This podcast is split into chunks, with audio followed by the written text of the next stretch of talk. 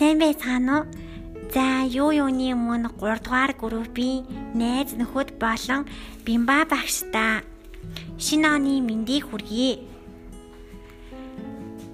За, 3 дугаар группийн суралцагч Мөхөл давхтай бүжиглэн байна. За, өнөөдрийн 3 дахь подкастаараа юу хэлэлцэх вэ гэхлээр улс төр химээх бүлэг сэдвүүдийн үндэслэн ардчлалын үнэт зүйл гэсэн эсэгийг уншиж тайлуулахад бэлэн болсон байна. Ардчлал гэж юу вэ?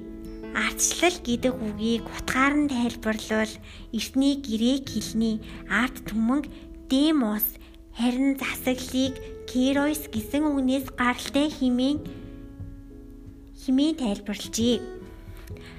Ардчлалын пирамид нь альва ардчлал ямар хэлбэр хэв маяг дагвартай байхаас үл хамааран дөрвөн үндсэн бүрэлдэхүүн хэсэг тулгуур багнаас бүтдэг. Хэдийгээр ардчлал шилжсэн бүх орны ардчлалын хөгжил төлөвшлийн үйл явцыг энэ пирамидын дөрвөн үзүүлэлтээр үнэлэх боломжтой боловч боловч дайны дараа ардчлалын замыг сонгосон орон ямар том гүрний нөлөөнд хүрсэн бэ гэдгээс хамаарч тухайн орон дох ардчлалын хэв маягийг тодорхойлогддог. Дэлхийн засаглалын шалгуур үзүүлэлтийг хүний эрхийг суурилсан засаглалын нийтийн хүрээг зохицуулсан албан болон албан бус дүрм журам тогтоож хэрэгжүүлэх үйл явц түнжлэн шийдвэр гаргахын тулд төр болон эдийн засаг нийгмийн оролцогч талууд харилцан ажиллах талбар гэсэн өргөн утгаар тодорхойлсон байдаг. Дэлхийн засаглалын шалгуур үзүүлэлтийг санал болгосон тодорхойлолтоор онлын хувьд үндэслэгдсэн ардчилсан засаглалын дээрх 6 зарчим нь ардчилалтай холбоотой. Франц улс 1789 онд хүний болон иргэний эрхийн тунхаглал дэвшүүлсэн үеэс хүний эрх, эрх чөлөөн төрийн удирдлагын хэлбэрийн нэг адил орчин үеийн хийх үндсэн хуулийн зохицуулалтын үндсэн зүйлийн нэг болсоор ирсэн. Хүний эрхийн тухай ойлголт нь эрэх чөлөө, тэгш эрэх, шудраг ёс гэсэн гурван ойлголтууд бий болсноор нийгмийн болон улс төрийн үнэт зүйл болсон. Хүний эрэх, эрэх чөлөө хид хідэн шалгуураар ангилдаг.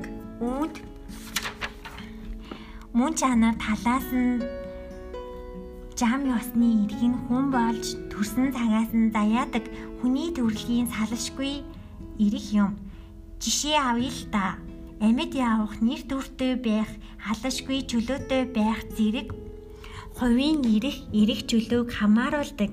Жам ёсны эрхийн онол нь 18 дугаар зуунд Голландд үүссэн бөгөөд үндсэн хуулийн эрх зүйн хөгжилд ихээхэн нөлөө үзүүлсэн юм. Зүй ёсны эрх гэж ангилдаг. Иргэдийн улс төрийн идэвхтэй оролцоо бол ардчлалын нэг үнэт зүйл түүний мөн чанарын илэрхийлэл болдог. Мөн түүнчлэн улс орны нийгмийн амьдралд иргэдийн идэвхтэй өөртөө сайн дураараа оролцох нь ардчлалын гол асуудал юм. Нийгмийн амьдралд тэнд идэвхтэй оролцохыг албан тушаалын төлөө тэмцэл гэж хэтэрхий явцуугаар буруу ойлгох явдал нь нилээдгүй хийхэн байдаг. Гэвтэл ардчилсан нийгэмд иргэдийн оролцоо зөвхөн сонгуулийн өрсөлдөөнд хамрагдахаас илүү өргөн хүрээтэй байдаг. Русон улс төрийн тогтвортой тогтолцоог бий болгоход ардчлалын амин сүнс ард олонд бүрэн эрэх олоход оршин гэж онцлон тэмдэглэсэн хүн байгаль дээр өөрийн дураар чөлөөтэй амьдардаг. Харин нийгмийн хөгжлийн явцад эрэх чөлөө хязгаарлагдах болсон. Росо бусдын туслалцаа шаардлагатай гэдгийг ухаарах болсон үеэс тухайлбал нэг хүнд хоёр хүний нөөц байвал зайлшгүй хэрэг болно гэдгийг анзаарах болсон цагаас хойш амьдралын тэгш байдал устсан гэсэн дүгнэлтийг гаргасан байх нь. Хүмүүс бие биелдэр оюун ухаан овсгоо самбаагаар харилцан адилгүй байдаг. Үүнтэй уялдаад нийгмийн дотор эзлэх байр суурь хөрөнгө хогшил өвлөн авах боломж зэрэг олон асуудалд хүснээр шийдэгддэггүй. Байгалийн зам ёсны тэнцвэргүй ийм байдлыг нийгмийн харилцаанд тэнцвэртэй болгож өгөх хэрэгсэл нь амьдралын бүх харилцааг нийгмийн гэрээ буюу гэрээ хэлэлцээний дагуу зохицуулахад оршино. Энэ санааг Руссо нийгэм бол тодорхой хүмүүсийн нийлбэрээс өөр зүйл биш болохоор тухайн хүмүүсийн иргэдээр үндэслэн байна гэж үндэслэн байна гэж үзсэн. Мөн иргэний нийгмийн хүрээг хувийн, улсын, хамтын гэж 3 хуваасан. 1920 онд орчин үеийн сэтгүүл зүйн эхлэл тавигдж байсан бөгөөд зохиолч Вэлтер Липмен, Америкийн философич Джон Дэви нар ардчилсан сэтгүүл зүйн үүргийг хилэлцжээ. Тэдгээрийн гүн ухааны талаарх ялгаатай байдал нь нийгэм болон улс орон дох сэтгүүл зүйн үүргийн тухай хилэлцэж тодорхойлсон байна. Липмен өнөө үед сэтгүүлчийн үүрэг нь нийгэм болон улс төрийн хоорондын орчуулагч зуучлагч болохыг ойлгожээ. Сэтгүүлчин зуучлагч болов. Элитүүд ярих үед сэтгүүлчид сонсож мэдээллийг боловсруулснаар арт түмэн болон тэдгээрийн хэрэгцээнд зарцуулдаг байна. Үүний дараах түүний бодлого бол арт түмний байр суурийг зохион байгуулах орчин үеийн нийгэмдэх үеийн самууны талаарх мэдээллийг нэмэгдүүлэх мөн үзүүлэх юм. Иймээс зуучлагч нь массаас мэдээллийг шүүх хэрэгтэй болов. Липмен энэ асуудал арт түмэн улс төрийн төвөгтэй асуудлын үр дүнг ойлгохоор ухаантай биш гэв.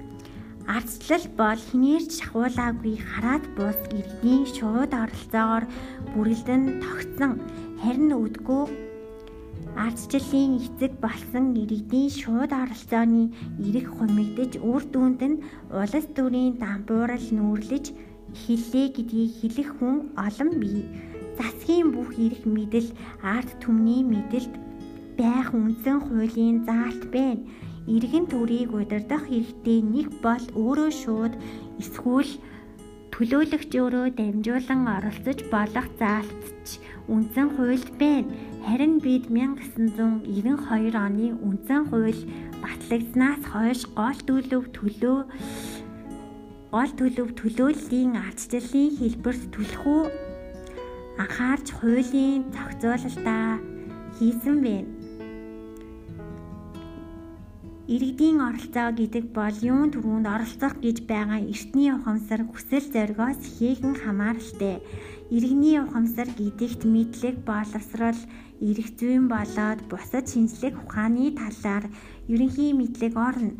Иргэний ухамсар түүний дотор эрх зүйн ухамсарыг төлөвшүүлэхэд төрийн байгууллагын үүрэг их мөн иргэний нийгмийн байгууллагын үүрэгч их хууль тогтоомж шийдвэрийг тайлбарлан таниулах сурталчлах ойлгуулах ажил чухал огт чухал ач холбогдолтой хэн бүхэнд ойлгомжтой? Энэ ажлыг хийхдээ орчин үеийн техник технологийн дэвшлийг яаж ашиглах вэ гэдэг талаар тодорхой шийдэлд хүрэх ёстой болов. Жишээ татаж үзээ л да. Facebook ашиглах гих мэт төгсгөлд нь товч дүгнэхэд иргэдийн оролцоог хангах албан ёсны журам хэрэгтэй юм байна. Энэ журмаа иргэдэд тайлбарлан таниулах хэрэгтэй юм байна. Үүнийхээ үндсэн дээр иргэд тодорхой асуудлаар санал